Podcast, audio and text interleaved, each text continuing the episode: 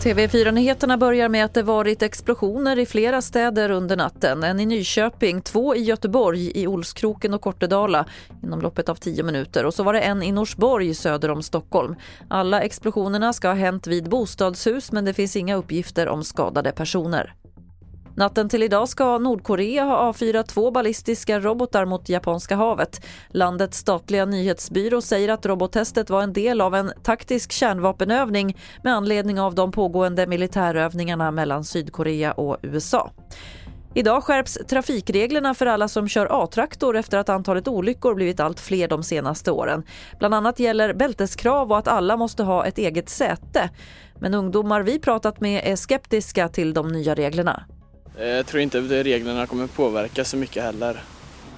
Jag tycker väl att de kunde, om man nu ska ha bälten kan man väl ha baksäte då så man kan ha med sig, fortfarande ha med sig kompisar men alla sitter eh, bältade då.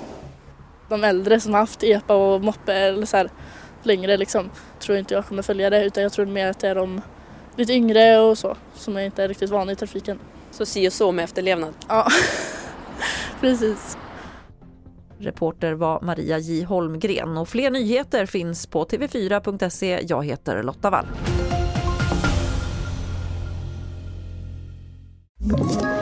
Ett poddtips från Podplay.